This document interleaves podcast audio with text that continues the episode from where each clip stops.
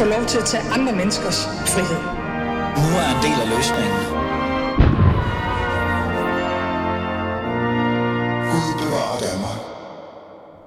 Ja, velkommen til. Du lytter til uh, Alis Fæderland, og mit navn er som altid Ali Amin. Ali, det er torsdag. To timers Fæderlandets Radio foran dig, og nogle meget øh, vigtige, interessante og spændende emner, som altid vil jeg i hvert fald øh, sige, at de er. Så regner jeg også med, at I også synes, de er det.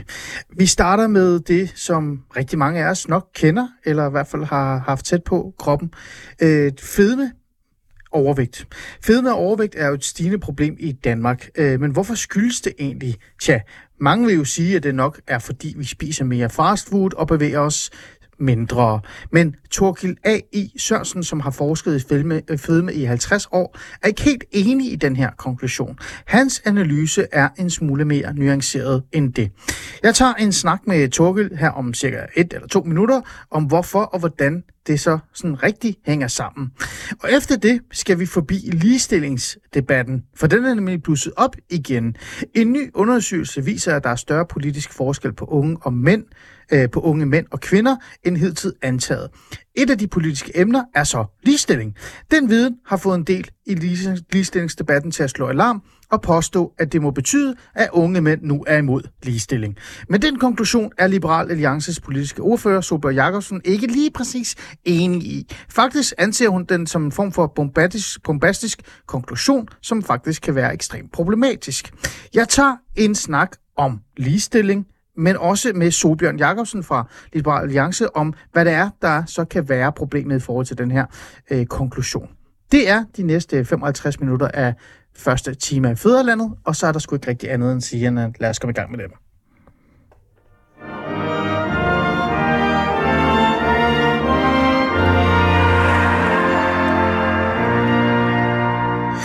Nå, vi skulle gøre det ordentligt, og det skal vi jo gøre, så vi kan et eller andet sted sætte fokus på det her. Som jeg sagde, vi starter med øh, den her øh, fedmeproblematik, kan man jo sige. Øh, og øh, Torgild A.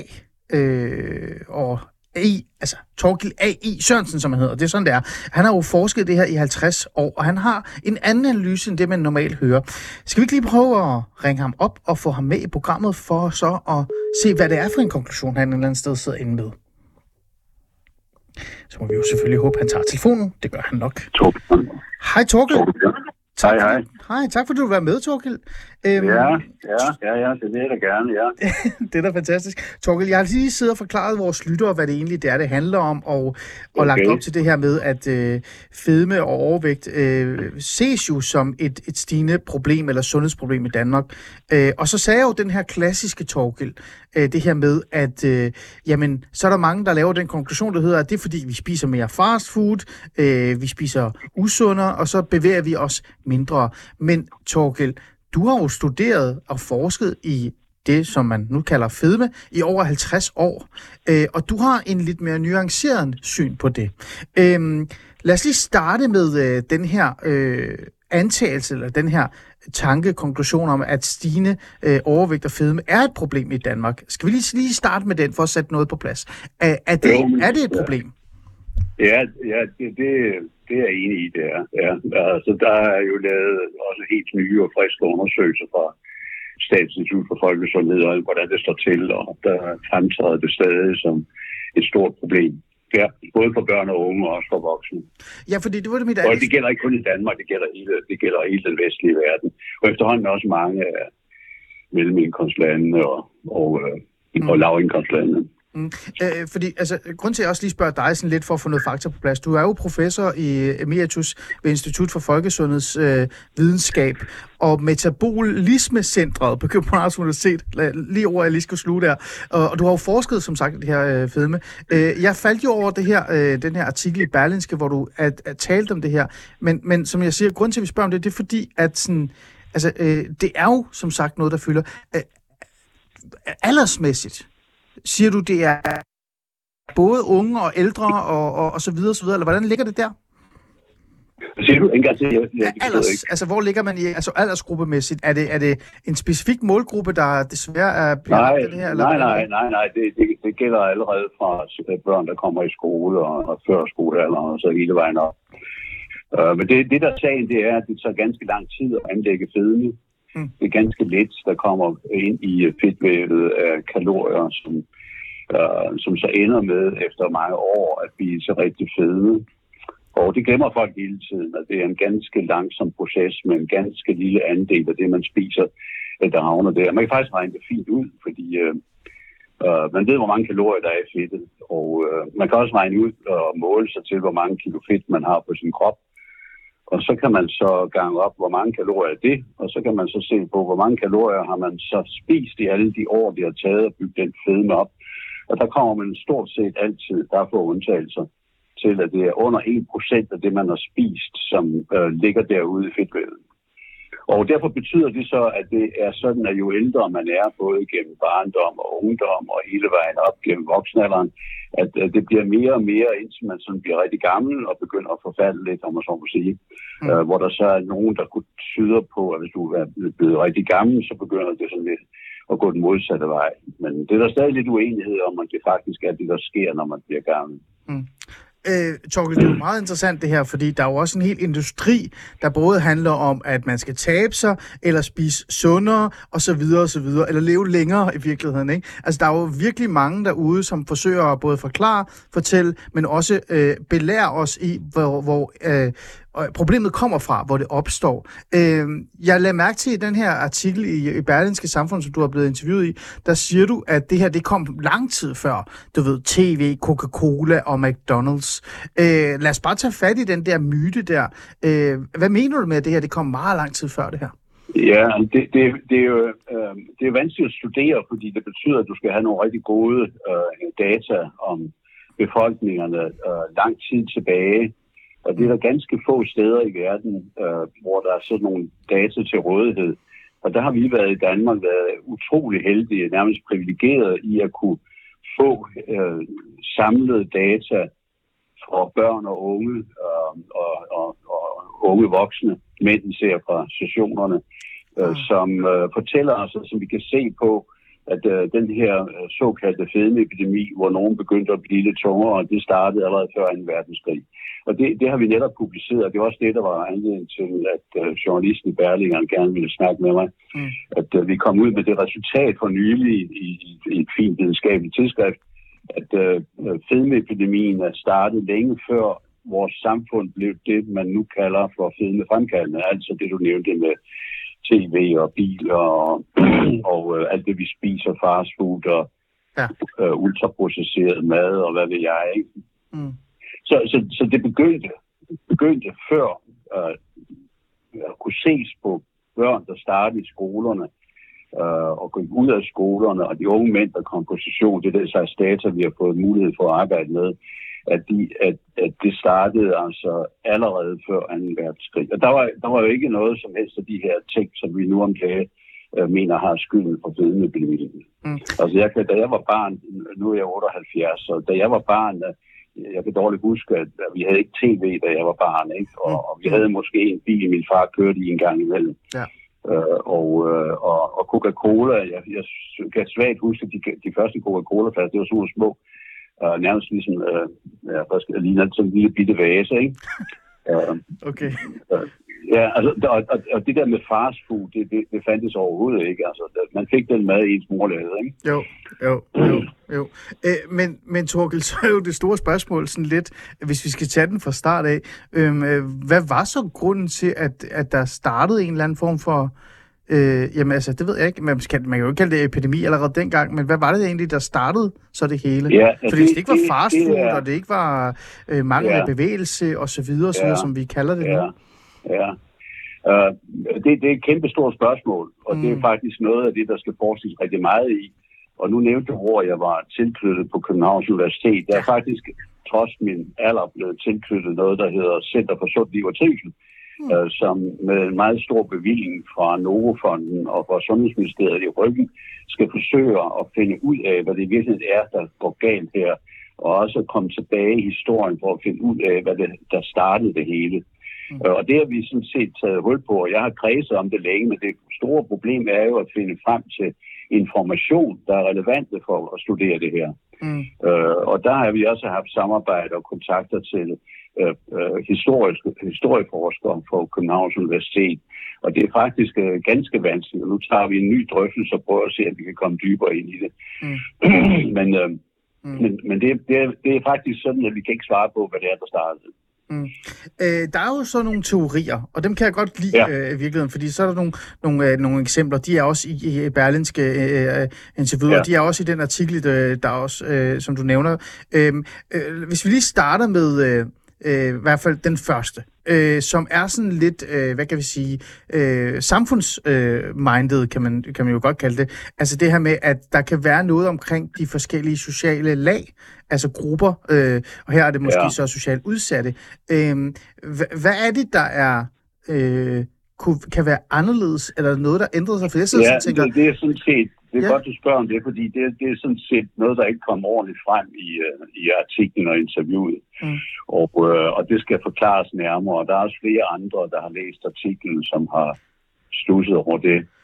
Og det er, ikke, det er slet ikke påstanden, at uh, de sociale uh, vilkår, man lever under, er blevet forværret i den tid, fedmeepidemien er opstået. Nej. Det er slet ikke det, der er budskabet. Budskabet er, at lige fra starten af fedmebien, det har vi også kunne se i de gamle tal, vi har kigget på, og det har vi set øh, i andre kollegaer ude omkring i verden, at, at der er en meget dyb social gradient omvendt, altså en social forskel, sådan at, at stort set hvor man kigger hen og hvordan man måler det, så er det sådan, at øh, dem, der øh, er ringere stillet end socialt, dem, der er bedre stillet socialt, de har hyppigere forekomst af fedme. Og det gælder faktisk også nu om dagen. Altså, det bliver ved, det bliver hængende, sådan at øh, mm. de sidste, som jeg lige nævnte før, store nationale undersøgelser, som staten til Institut for Folkesundhed har udført, øh, der kan man simpelthen, de ligger på nettet, man kan sige, se efter, og der er det helt åbenlyst, at mm. ganske enkle uh, måder at karakterisere folks sociale placering i vores samfund på, er forbundet med, uden at vi så helt klart kan forklare hvorfor, ja. er forbundet med større øh, hyppighed af fedme, jo, jo øh, øh, vanskeligere socialt stillet man er ved at kalde det. Mm. Og det er, ikke den der, det, er ikke, det er ikke kun den undergruppe, der hedder socialt udsatte, som man jo ofte øh, diskuterer politisk, og hvordan, hvordan man skal forholde sig til. Nu har jeg lige set på nettet, at du er tidligere politiker, så det må være noget, der har optaget dig. det har det. Øh, det, har det. Øh, og og det, det er jo sådan, at det, det, det er en gradient, der gælder hele, hele vejen ned igennem alle sociale lag. Så at jo længere jo længere ned du kommer i det sociale lag, om man så må sige, øh, jo, mere, jo mere fedme er der. Og, mm. øh, og det er faktisk sådan, at, at, at en af de bedste samarbejdspartnere, jeg har haft, det var en amerikansk professor, som øh, nu desværre er død for nogle år siden, som hed Albert J. Stonkart, og som var en absolut pioner inden for fedmeforskning i USA, mm. og som kom til Danmark og sådan set sporede mig ind på at forske de her ting allerede i 1977. Og han var den første i verden, der påviser det her allerede i USA på en stor undersøgelse i Manhattan øh, i øh, omkring 1960, øh, at der var den sociale skævhed. Og det er så gentaget i utallige undersøgelser siden, og vi har også kunne se de danske undersøgelser. Så der er et eller andet, der har at gøre med, hvor er individet i den sociale virkelighed i forhold til andre mm. i, den samme, i det samme samfund. Og det er det, der sætter sig. Og hvorfor det sætter sig i fedtvævet, det er så det, jeg har lavet en teori om. og øh, og der gælder det så meget vigtigt for at forstå sammenhængen med den her stadige udvikling, at der bliver flere og flere, ja. der bliver tykke. Ja.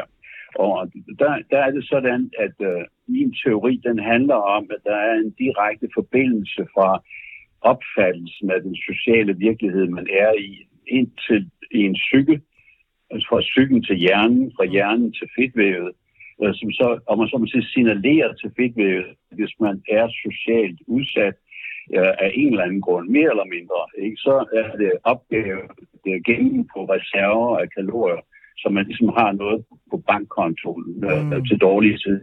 Og det er det, der, det er det, der er en grundlæggende i teorien. og, øh, og der gælder det så, at det er nemmere, det er nemmere for kroppen, for psyken, hjernen, fedtvævet at hobe op hvis der er rigeligt mad. Altså, der skal være mad nok, længe nok til, at den her langsomme proces skal finde sted. Og jo mere mad der er, øh, og jo lettere det er, øh, jo, jo lettere er det for den der øh, fedmefremkaldende proces fra hjernen til fedtvævet at opbygge fedtvævet. Det er min teori.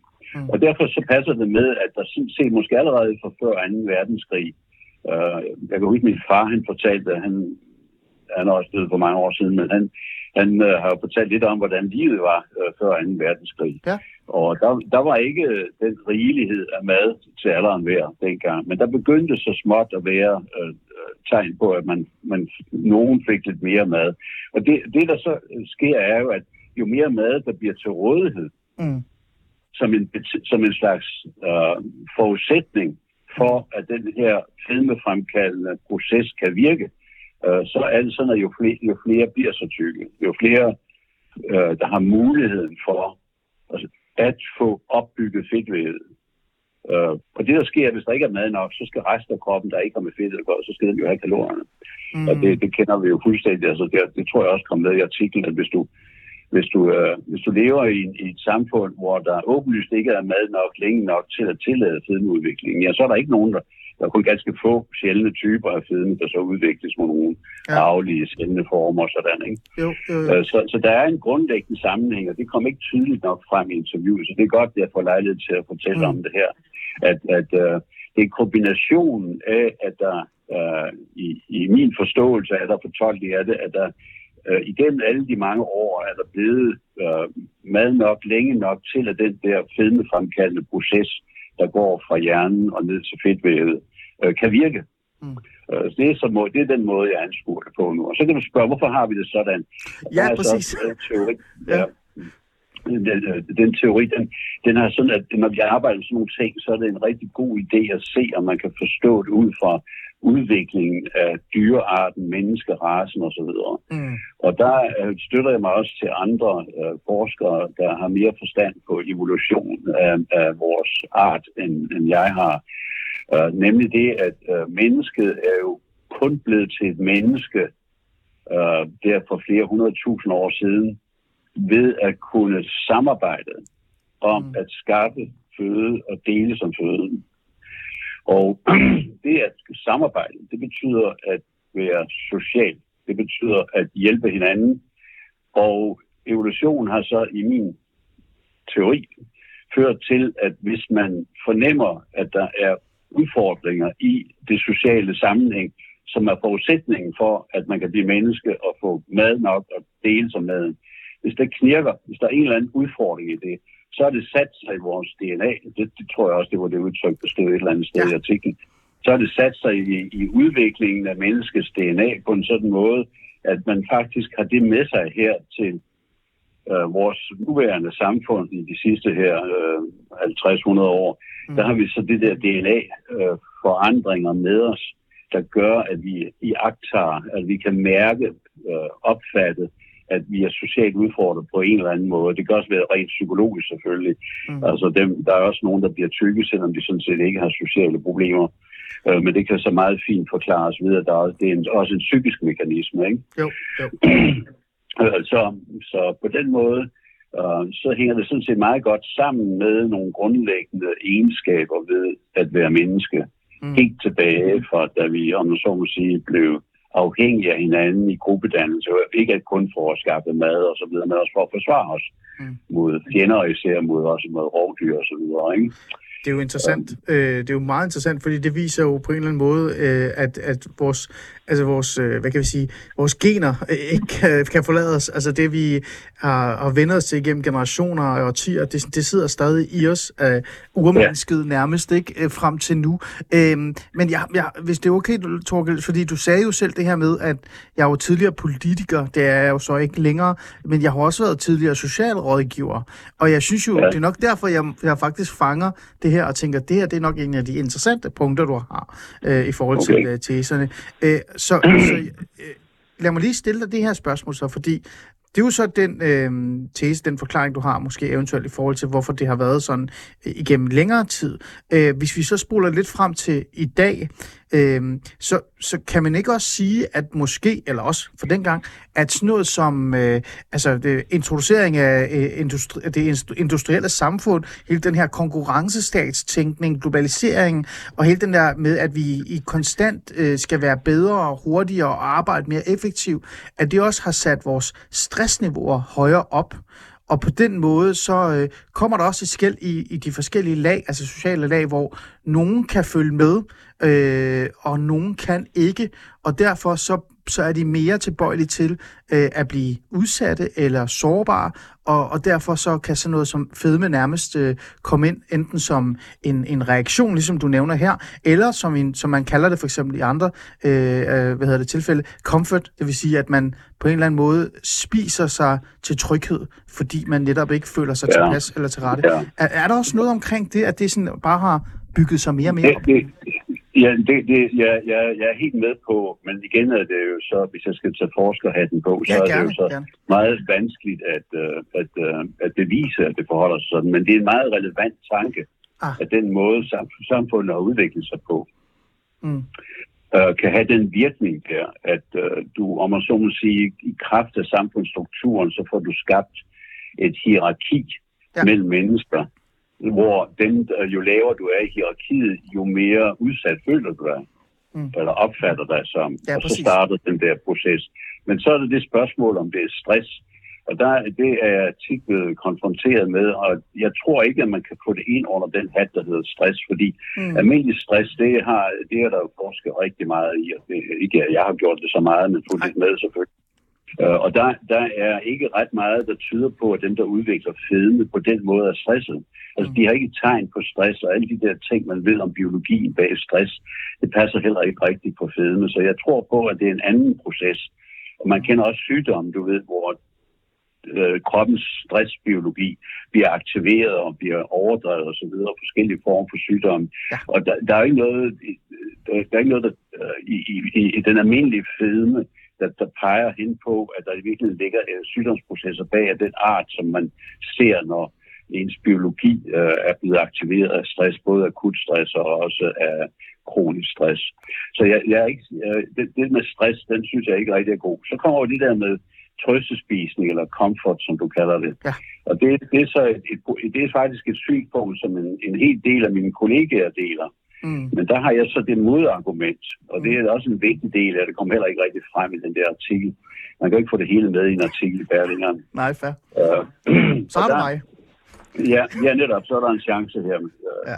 Og det, det, der, det, der er sagen, og som er udgangspunkt også for min teori om de her ting her, uh, det er, at uh, der er lavet rigtig mange uh, meget grundige forsøg på det, der hedder overfodring. Ah. Altså hvor man frivilligt øh, spiser utrolig meget mere end det, man, man ved, kroppen har brug for af, af energi. Og dem, dem er der lavet rigtig mange af, og de er også lavet over meget lang tid øh, for nogle af dem. Mm. Altså for eksempel 1000 kalorier mere i døgnet, end du har brug for. Ja. Er der nogen, der har ikke? Eller, og faktisk en af mine kollegaer derinde på det der metabolismecenter inde på universitetet øh, kører undersøgelser, hvor de frivilligt øh, der deltager, øh, spiser øh, 50 procent mere, end de har brug for, og for at se, hvad der så sker i kroppen. Mm. Øh, og det er en kæmpe udfordring at gøre det selvfølgelig. Og det, der så sker, det er, at, at nogen stiger lidt i vægt, nogen stiger lidt mere i vægt, nogen stiger slet ikke i vægt. Mm. Og lige så snart man holder op med, med overfodringen, øh, så falder vægten helt ned af sig selv, på, hvor, ja. hvor den var, før de startede. Og det betyder, at selve den proces at spise mere, øh, og der er meget mere, fremkalder ikke fedmen, som vi kender den, fordi hvis der er sted lige så meget vægt i en fedmeproces, og så prøver at komme ned, ja, så vil der ikke gå ret lang tid, så røg man op igen. Så det at udvikle fedme er noget andet og mere, end det bare at spise mere. Mm. Øh, så derfor så er jeg ikke tilfreds med at hævde, at uh, Øh, de fænomener, vi ser, for eksempel omkring den sociale virkelighed, man er i, at de øh, øh alene kan henføres til, at, at man som følge af opfattet det, så spiser man mere, fordi de her forsøg, de tyder ikke på, at man kan øh, anlægge fedme ved bare at spise mere. Hvis man spiser mere, så sker der det, at kroppen justerer sig ind på det, og øh, øger forbrændingen, og der sker også øh, andre ting. Hvis man virkelig bliver ved med at spise mere, så bliver man ligesom i den der berømte film, der hedder Super Size Me, så bliver man meget syg. Ja. Så bliver man meget syg af det. Mm. Så, så processen er en anden, og den idé, den lille bitte smule under 1%, der lærer, som jeg nævnte øh, i starten, ja. lille 1% der, øh, det er ikke nogen mening at hævde, at man har spist under 1% mere. Det kan lige så godt være, at man har gået øh, måske et par hundrede meter mindre per døgn. Øh, for at få skabt den der lille ubalance, der hedder, at under 1% er lagt ud i fedtvævet som en reserve. Ikke? Mm. Det kan også være, at fordi kroppens øh, almindelige øh, justering af den stofskift og så videre, at den øh, justerer sig ind til det er under 1% mindre, end det ellers ville være. Så, så det store Okay, okay, problem, vi har her, det er, at det er faktisk meget svært at, at pege på, hvad det er for en proces, der går galt i kroppen, der fører til, at der hele tiden aflejres den der mindre end 1%, som det ender med at blive, selvom når man bliver meget tyk. Altså selvom man kommer op og vejer måske 100 kilo, eller 120, eller 130, eller hvor meget Okay, det okay. bliver til. Okay, øh, det er jo super interessant. Det, det er jo derfor, det er så spændende at have dig med, Torgild, fordi så kan man lige øh, bore lidt i dig i forhold til det her. Øh, der er noget, jeg, jeg faldt over, øh, fordi jeg sad sådan, jeg lige tænkte over, mens du sagde det her. Øh, øh, du sagde noget tidligere, øh, at øh, det er hårdt sagt, at man, man kunne nærmest kunne sige, at folk, som er socialt udsatte, eller føler lidt, at de er øh, øh, i farezonen, altså, eller er fattige, eller føler sig sådan et eller andet, at de ubevidst på en eller anden måde fylder deres fedtdepoter op som en slags, øh, sådan, du ved, det er en depot, et forråd. Øh, Ja. er, det, altså, er det virkelig rigtigt? Det lyder jo Det er meget... teori. Øh, altså, altså, Det er teorien.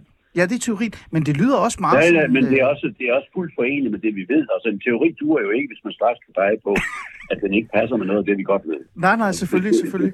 Nej. Så, Så- så, mennesket, når, de, når, det, når det føler sig udsat, eller føler, det er et andet lag, eller i virkeligheden føler sig sådan på en eller anden måde fattigt, så spiser det øh, ubevidst for at fylde sit, øh, sin fedtdepot op. Nej, men det går den anden vej. Det er lige vigtigt. Altså, det, er, det er ikke... I min teori, Mm. Der, der starter det med, at der sendes et signal fra hjernen til fedtvævet direkte. Ah, okay. Og, så, og den lille smule ekstra, der skal spises, Ja.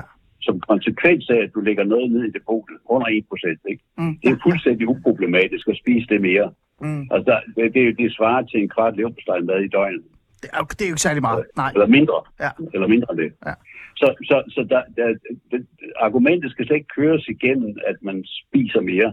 Og det giver mig anledning til at forklare en anden ting, som øh, jo er basis for, at rigtig mange mennesker øh, fra top til bund i vores samfund opfatter fedme problemet som et spørgsmål om, at man har spist for meget og rørt sig for lidt. Mm. Øh, Ja, og og, og, og det, det, det, det gennemsyrer jo alles opfattelse absolut. Så må man sige, at øh, den opfattelse, den er for det første, øh, er den jo grundstødt. Øh, alene selvfølgelig det, er forklaret indtil nu. Men så kan man derefter spørge, hvordan kan det være, at så mange opfatter det sådan? Og det er jo udmærket om at tænke over, hvorfor opfatter alle om det sådan? Og her kommer en forklaring, som jeg ofte må give, og jeg holder rigtig mange foredrag om det også, så godt det er jo forbløffet over, at, at det er sådan, det hænger sammen. Det er nemlig sådan, at, at jo tykkere man bliver, jo større bliver den øvrige krop ned under fedtet, som en bodybuilder-proces. Og Ah. det betyder, at der skal bruges mere energi til den ikke fede del af kroppen, for at holde den kørende fuldstændig som hos slanke mennesker, der ikke har fedt på kroppen. Jamen. Og når, når, når folk, der er tykke, spiser mere, så er det, fordi de skal tilgodese det øgede behov for energi i den ikke fede del af kroppen. Mm. Og det, kan man, det er så meget, som man kan se det. Det, det er det, der spises ekstra for at tilgodese den ikke fede del af kroppens opskifte og behov for at holde det hele kørende, hele maskineriet i kroppen kørende. Det er noget, man kan se, og Mm. det kan man måle, og det er meget, meget mere end den der under 1%, som Mm. vi taler om før. Mm. Så, så det er konsekvensen af at udvikle fedme, at man kommer til at spise så meget mere, at folk kan se det. Og så skiller det fuldstændig ligesom i gamle Holbergs komedier. Mm. En sten kan ikke flyve, og mor lille kan ikke flyve, ergo er mor lille en sten. Ja. Altså, det er den form for logik, der, der, der præger det. samme gælder med bevægelse Spændende. at øh, den, den mindre bevægelse, der i givet fald kunne være medansvarlig for under 1% læring af, af et overskud ude i fedtvævet. Det er så lidt, så det er fuldstændig umuligt selv med moderne, smarte apparater at registrere det. Men derimod kan man se, at jo tykkere folk er, gennemsnitligt set, så bevæger de sig mindre. Mm. Men så kan man faktisk måle, hvor meget energi de bruger på at bevæge sig. Og Mm. de bruger lige så meget energi på at bevæge sig som slanke mennesker, gennemsnitligt. Mm. Og, og øh, så kan man så sige, hvorfor bevæger de sig så ikke mere? Jamen det er simpelthen, fordi de følger en gammel fysisk lov som Newton, der sad under æbletræet og fik æblet i panden eller i hovedet, øh, at, at jo, jo, jo større masse du skal flytte, jo Mm. mere energi kræver det at Mm. flytte en bestemt afstand. Og det samme gælder for kroppen. Jo større kroppen er, Mm. og du skal flytte den, øh, ændre, bevæge den et vist stykke, jo mere energi skal du bruge for at kunne bevæge denne større, tungere krop. Mm. Så, så når man så ser og kan se, at folk, der er blevet tykke, ikke bevæger sig så meget, ja, så er det også en følge af den store vægt. Mm. De bruger lige så meget energi gennemsnit. Det kan man nemlig måle med meget smarte teknikker, Præcis. hvor meget du bruger på at bevæge dig. Men, men, men Tor, Torgild, sidder man så ikke på en eller anden måde øh, fast i en eller anden, øh, øh, altså sådan en, øh, øh, jamen sådan en, en, øh, en, hvad hedder det, en sløjfe eller et eller andet, altså sådan, man, man går i cirkler, En ond cirkel. En ond cirkel, ja, det er godt sagt. Øh, at, at, at man på en eller anden måde så bliver ved med at, øh, altså sådan, at spise for at kunne fastholde den. øh, Det du taler om, det er jo nærmest også en form for muskelmasse, man får øh, øh, under kroppen. Øh, dem, Ja, som måske Det har er, forsøgt... det er også knogler. Ja, det, præcis. er både knogler og organer. Og det eneste, det eneste, der ikke vokser, det er hjernen, desværre. det er svært, det er svært at svare ud og købe nogle KitKats lige om lidt. Men Torkel, så man sidder jo sådan en, en, en, meget kort her til sidst, for vi skal også videre til de andre. Man sidder sådan lidt i en ond boble, så ikke en ond cirkel. Fordi så, så spiser man for så at vedligeholde den krop, man har, som så er stor, og så bliver Ja. man ved, og man bliver ved, og man Ja. bliver ved. Og det er måske derfor, nu spørger jeg dig lige hurtigt, måske er det også derfor, det er så svært at tabe sig. Ja, det er helt rigtigt. Der sker det, når du taber dig, og det har man kendt i øh, dem, dem der har arbejdet med det og også forsket i det. Ja. Hvis du taber dig ved at tvinge dig selv til at spise mindre, øh, så skal den krop, den magre krop, det der ikke har med fedt at gøre, det skal have sin energi for, at du overhovedet holder- holder dig kørende, Mm. holder dig i live. Mm. Og da den ikke får det via maden, så hiver den det ud af fedtvævet. Ja. Så det er derfor, du taber dig. Det er fordi, du udfordrer din, din øh, ikke fede del af kroppen. Og Mm. du giver den ikke mad nok, øh, og så bliver du sulten, og, og der kompensation for sulten, det er, at, at, at du holder fast i ikke at spise nok, så trækker det ud af fedtvævet. Og det er sådan en proces, der kælder selv med slanke mennesker, hvis de sulter for længe, så ender det jo med, at de ikke kan holde ud. Ja, ja, ja. Så derfor ja. begynder vi så alligevel at tilgodese det øh, kaloriebehov, der ligger i den ikke fede del af kroppen. Mm. Og, og det, der så er mystik nu, Mm. det er, og der er det den teori, jeg har, der kommer på banen, ikke? det er, hvordan kan det så være, at man nu er kommet af med alt fedtet, og så begynder man at tilgodese den magre krop, man nu har, med de kalorier, den skal have. Mm. Og alligevel så begynder fedtet at lære sig igen. Det tror Ja. jeg sådan set ikke nødvendigt. Nej. Men det gør det. det. Det lærer sig igen. Og hvorfor det lærer sig igen, samtidig med, at du får til gode set den magre del af din krop, øh, med de kalorier, den skal bruge, øh, det ved vi faktisk ikke. Og der passer min teori, så det er så simpelthen, fordi den proces, der går fra hjernen ned til fedtvævet, som jeg har fortalt om, Mm. at den formentlig øh, er endnu mere udfordret af, at man har tabt sig. Mm. Øh, og så øh, er den stadig til stede, og den sørger så for, at fedtvævet, når der endelig bliver en chance for at fylde fedtdepoterne op, så begynder på den proces at fylde fedtdepoterne op, samtidig med, at man til gode ser sin øvrige krop med de kalorier, den skal have. Ikke? Mm. Øh, jeg har sådan en... Jeg Og det, der, så vil jeg lige slutte af med at sige, det der Vigovi, som vi alle sammen hører om, Åh, Gud, ja. Vigovi, Vigovi, virker, Vigovi virker ved at bremse den sult, der kommer af, at din mage lægemsmasse ikke får kalorier nok. Ah, Ikke? okay. Så, så det passer. Det, og det, det, det, det, det, det stærke ved Vegovi er, at det holder fast i det. Så længe du tager Så længe du tager så holder det, du fast i, Ja. så, så holder du fast i, Ja. at, at, at den magre lægemsmasse får ikke de kalorier, den skal have. Mm. Og Men, så trækker den kalorierne ud af fedtet. Ikke? men Tor, Torkel, nu, du tog faktisk, du, det var faktisk rigtig godt, at du lige kom med det, fordi så kommer vi hen til det der lille spørgsmål, jeg har til dig, øh, øh, før vi begynder sådan at, at gå hen mod... Øh, jeg har faktisk også nogle spørgsmål i forhold til samfundet på nuværende tidspunkt, og mad og så videre. Men, men for jeg har spillet fodbold i rigtig, rigtig mange år. Øh, altså på lille niveau, ikke? Hvor alt, hvad jeg lavede, blev målt og varet, og det mad, jeg fik, og så videre, og så videre. Det var 5-6 gange om ugen, vi spillede. Øh, jeg var til træning og spillede fodbold og sådan nogle ting. Øh, jeg gik fra det til at ikke at lave noget, og så tog jeg rigtig mange kilo på. Dem tabte jeg så igen, og så tager jeg dem på og taber dem, og tager dem på og taber dem igen, og så videre, så kører det. Jeg fik at vide på et tidspunkt, og det var egen læge, at Ali, du har øh, fedtdepoter, måske endda flere fedtdepoter end andre, og de er kommet kvæg, at du har været overvægtig. Øh, og dem vil du altid slås med. Så mit spørgsmål til dig, det er sådan lidt, når man taber sig, og når man har været i det her, så vil man jo kunne have de her fedtdepoter, dem krop, der på en eller anden måde øh, er blevet som en maskine øh, justeret til at fylde de her depoter op. Så ligegyldigt om du tager Vegovi, eller hvad du end er, du, du er jo stadig i den der cirkel. Er, er det sandt, Ja. Tor, Torgild? Ja, ja altså det, det lyder jo, øh, jo øh, Det lyder ondt, meget kedeligt. Ikke? Ja, det lyder meget ondt, ondt ikke at tilgå at være sådan indrettet. Ikke? Men, men, men, men faktisk er en del af min teori, det er, at den proces fra hjernen ned til fedtvævet, Ja. at den er sådan set dynamisk og kunne godt stoppes. stoppes. Ah, Og det skal findes faktisk også. Vi ser, vi ser, og der er lavet store undersøgelser også i USA, at der faktisk er nogle mennesker, der formår at tabe sig og holde vægten nede. Det er ikke ret mange øh, i forhold til alle. Øh, Langt de fleste efter nogle måneder, 6 måneder, 12 måneder, 18 måneder, så er det stille og roligt op igen. Selv hvis du har fået lavet de her maveoperationer. Ja. Og, nu er vi meget spændt på os, der arbejder med det. Hvornår begynder man at se for vi- dem, der tager Wegovy og bliver ved med, ja. at de begynder, at liv begynder at stige i vægt. Ikke? Jo, præcis. fordi den der kraft er så stærk. Ikke? Jo. Øh, Så, så, øh, så, så, så det håb, der er, Ja.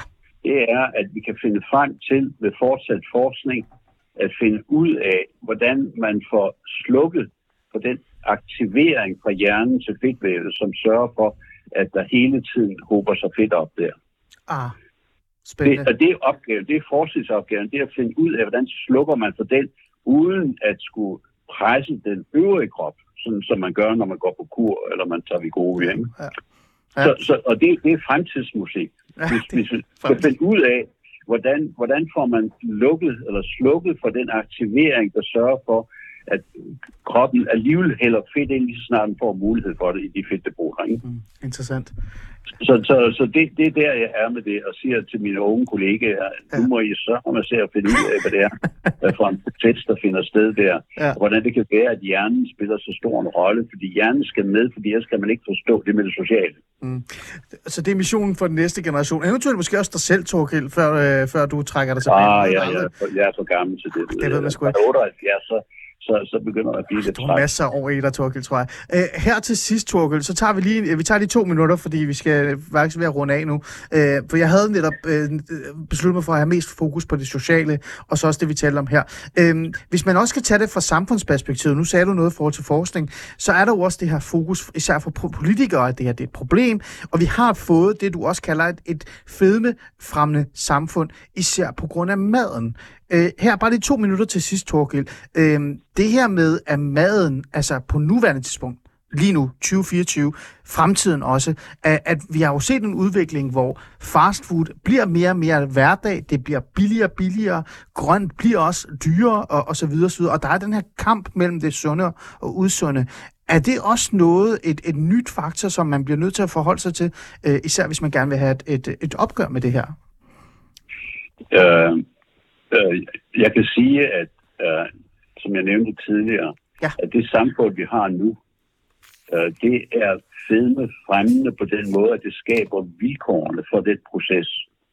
Mm. Fordi hvis, der ikke, hvis, vi, hvis vi ikke havde særlig meget mad, øh, så let tilgængeligt og i så store mængder, Ja. og så billigt som det er, Ja.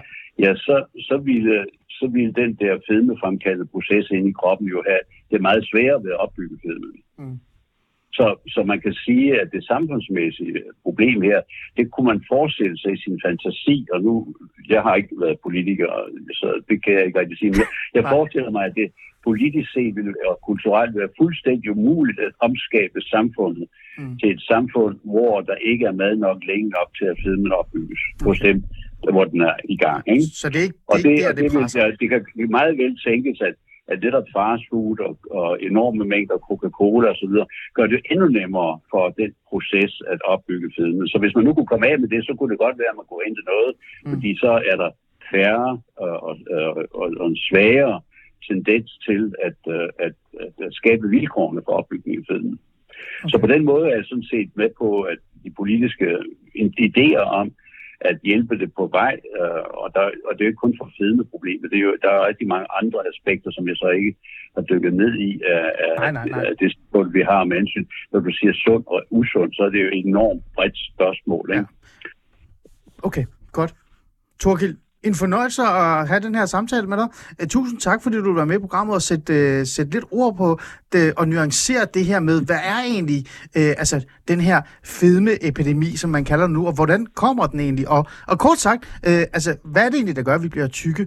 Uh, tusind tak for at være med, og man kan jo, som jeg sagde uh, her i starten, man kan jo finde den her uh, hvad hedder det, artikel, uh, Samfund Berlingske, ind på Berlingskes hjemmeside, og den er gratis, så vidt jeg kan se, og man kan læse den så meget vel. Og så kan man jo måske bare følge med uh, i, hvordan udviklingen går. Torgild uh, Sørensen, uh, Danmarks, en af Danmarks førende forskere fedme. Tak fordi du gad at komme ind og fortælle os om det her. Super Ja, interessant. selv tak. Du, kan du sende mig et link til den her udsendelse? Det lover jeg dig. Og, og, og til jer derude, der lytter med, I kan også finde linket lige om lidt, så kan I øh, sende det til alle jeres venner.